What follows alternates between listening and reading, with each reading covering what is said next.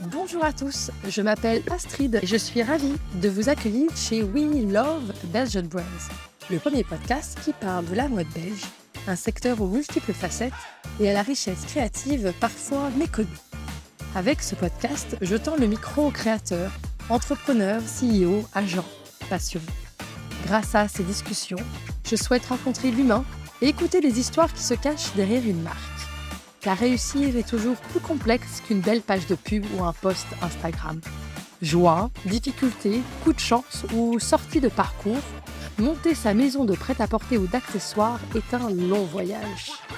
Alors aujourd'hui, avec vous, j'aimerais voyager au cœur des marques belges pour partager, questionner les modèles et dévoiler l'humain qui se cache derrière nos petits et grands succès. Je vous souhaite dès à présent une belle écoute. Aujourd'hui, j'ai l'honneur d'avoir Elga Mersmans de Kai Bags à mon micro, A Woman on the Go. Elle a créé avec Ine Verhart en 2017 une ligne de sacs, Kai, Kai Bags, pour les femmes comme elle, qui courent à travers le monde, sautent de réunion en réunion et qui ne veulent pas compromettre le style et la qualité. Elles ne trouvaient pas le sac de leur rêve, alors elles l'ont fait. Elga et Ine sont ainsi ce sont des doers, des filles qui font, qui foncent, qui avancent. Elles ont les têtes bien construites et les pieds bien accrochés dans la réalité pour affronter toujours avec le sourire les hauts et les bas de l'aventure entrepreneuriale. Alors comment font-elles pour oser rien lâcher, toujours rebondir Être deux est sûrement une clé du succès? Avec Elga, aujourd'hui, essayons d'en savoir plus. Elga, bonjour. Bonjour Astrid. Est-ce que tu peux nous dire en quelques mots qui tu es? Elga. En fait, je suis une vraie anversoise. J'ai toujours habité dans les environs d'Anvers. Je suis mariée depuis 37 ans déjà. J'ai trois enfants, J'aime bien cette question. Est-ce que tu rêvais déjà, quand tu étais enfant, de travailler dans la mode ou dans le secteur du beau? En fait, oui, depuis mes 18 ans, je rêvais de ça. Auparavant, j'étais plutôt focusée sur tout ce qui était sportif, hein, puisque j'ai fait pas mal de sport. Certainement, le tennis était très important dans ma jeunesse. En compétition, ah, natation également, compétition. Donc tout ça, ça prend beaucoup de temps. Et euh, en fait, je rêvais d'une carrière là-dedans. Et pourquoi Oui, c'est quand même pas facile. Il faut être très, très, très, très bon là-dedans. Plus, en fait, à 18 ans, il faut choisir des études. Et en fait, mes parents trouvaient quand même que ce, serait mieux que je suivais des cours à l'université. Ouais. Finalement, finalement, ça, c'est des économies, l'économie que j'ai ouais. Je suis très contente de ça, mais en fait, la mode que je voulais, elle n'était pas possible. Ouais, ouais c'était, c'était pas assez sérieux. Effectivement, je pensais que je pouvais pas gagner ma vie avec. Euh, c'était trop euh, loin de ce qui était à ce moment-là normal, disons. Bien sûr. Voilà. Et du coup, quelles ont été euh, les étapes de ta carrière professionnelle? En fait, la moitié de ma carrière, j'ai travaillé dans le bâtiment.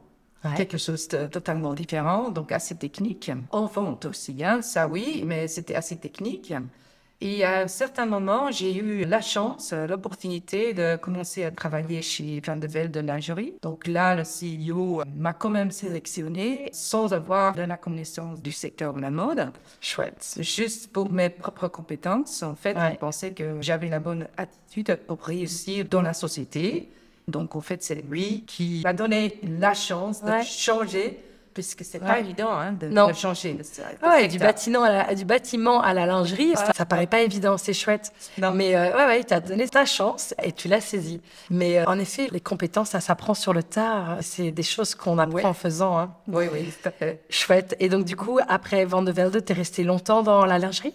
Oui, quand même. Après aussi, j'ai travaillé chez Wolford. Et là aussi, la lingerie est très importante. Bien sûr. Donc oui, j'étais donc vraiment dans le monde très, très féminin après un monde très, très masculin. Et alors, pourquoi tu n'as pas commencé ta marque de lingerie? En fait, euh, quand on se trouve dans un secteur, on apprend tout ce qui est difficile vrai. du secteur. Et la lingerie, là, on a beaucoup de SKU, comme on dit. Hein, de référence. De référence.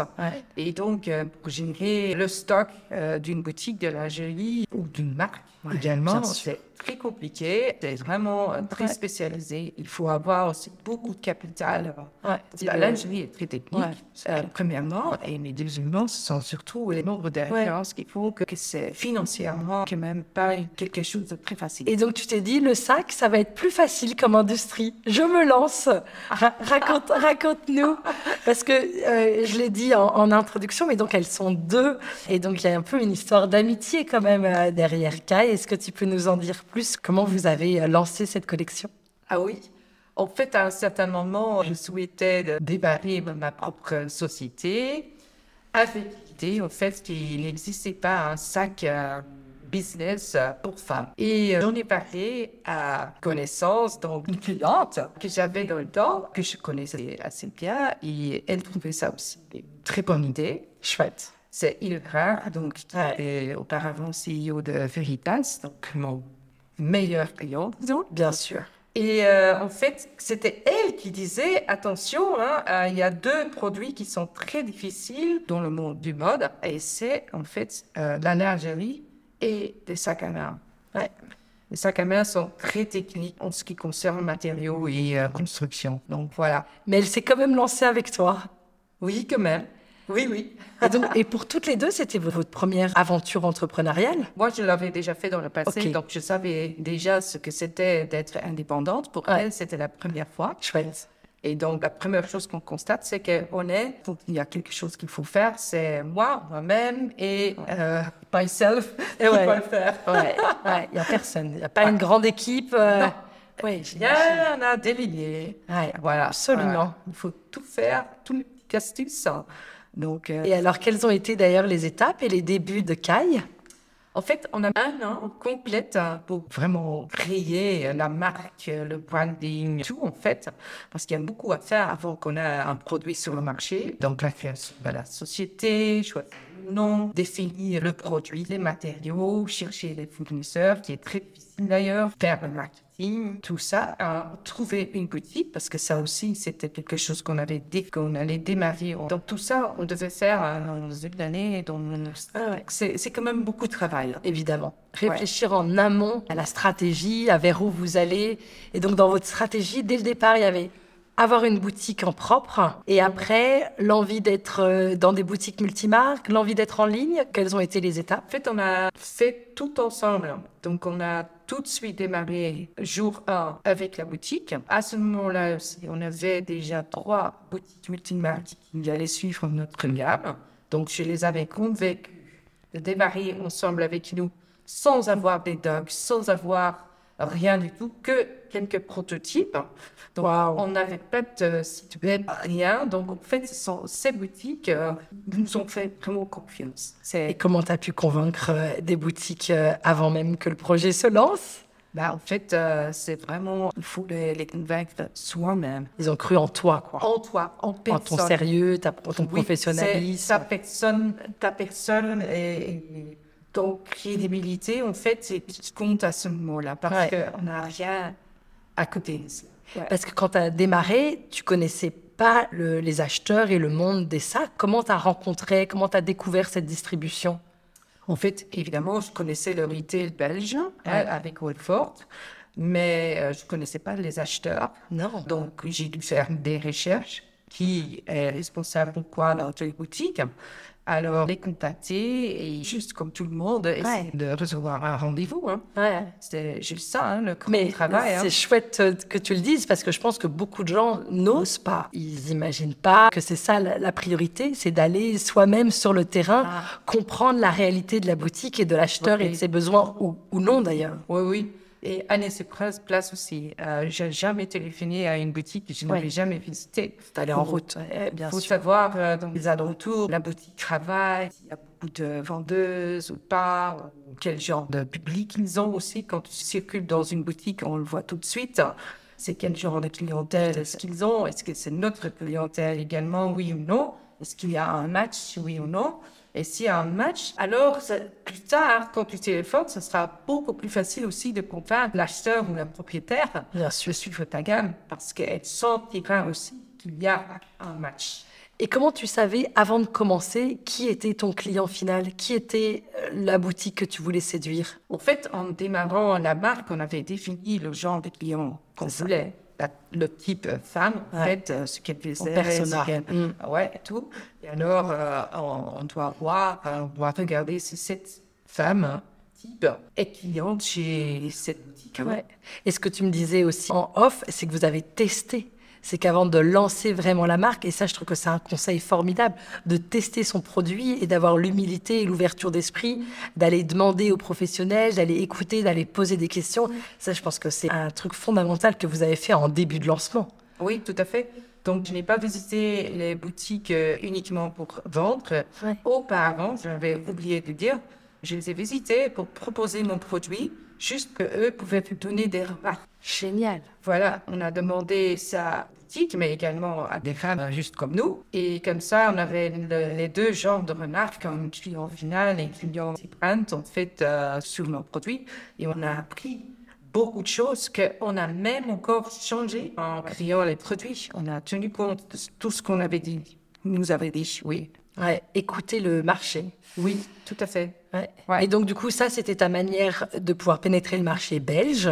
Et donc aujourd'hui, c'est votre plus gros marché. Et qu'en est-il de l'international? En fait, oui, la Belgique reste le, plus grand parce que en Belgique, on a déjà 18 boutiques qui suivent notre gamme et on a deux boutiques même à Anvers et L'année passée, on a ouvert également une boutique à Bruxelles. Hein. Ouais, formidable. Mais depuis un an environ, on a démarré l'international aussi. Et actuellement, on vend dans le US et le UK, par la France aussi, parce qu'on a aussi une agente qui fait la France et la Suisse pour nous. Donc oui, oui, on met des petits pas. Hein, c'est ça. Plus grand et plus grand. Alors, on va quand même un petit peu les pieds sur terre. Mais euh, le plus grand pas qu'on a fait actuellement, c'est en Hollande. Parce qu'en Hollande, les multi-brands, c'est très difficile. Hein. c'est totalement différent qu'en Belgique. Mais on a pu convaincre le Bijenkorf. Génial. Et euh, on est distribué actuellement dans deux, trois locations. Ouais, et c'est quand même une super adresse où vous êtes à côté de bah, Louis Vuitton, Balenciaga, euh, Céline. Toutes les plus grandes marques euh, sont chez De Bijenkorf. Donc ça vous positionne tout de suite. Et donc tu disais en effet que vous avez ouvert votre boutique à Bruxelles. Galerie de la Reine, c'est ça? Galerie du Roi. Galerie du Roi, pardon. Ouais, c'est presque la même chose. Ouais, c'est facile de se tromper. Très belle boutique. Et du coup, c'était quoi en plein Covid, entre les vagues de fermeture? Après la première vague, on avait cette opportunité qu'on pouvait louer une boutique avec deux fenêtres, comme on dit là-bas. Oui, bien sûr. Parce que la plupart des boutiques est très petites, la mm là-bas, trop pour nous. Et alors, on a hésité, mais en même temps, on voulait absolument offrir une boutique à Bruxelles, puisqu'on voulait également euh, quand même avoir plus de contact avec la partie francophone de, la mhm. Belgique. On ne veut pas rester en Flandre, effectivement. Et deuxièmement, pour aussi nous mettre en contact avec des touristes. Parce que des touristes qui achètent mettent en fait scène dans leur propre pays. Absolument. Et on ne sait jamais de ce qui se passe avec ça. Ouais. Et estimé que Bruxelles avait une, visibilité internationale plus importante qu'en oui. Oui, oui. C'est une préférence. Quand on sort, et euh, on peut dire qu'on a une, euh, boutique dans une galerie tellement importante. Oui. Euh, alors, c'est. Oui. Et vous avez bien choisi une, adresse très touristique et donc avec une vraie visibilité à l'international. Super. Aujourd'hui, avec euh, Kai, vous êtes une équipe de combien de personnes? Non, au bureau, on est à quatre. Cool. Quatre personnes. Et après, on a encore deux personnes dans la boutique bruxelloise, évidemment. Ouais. ouais.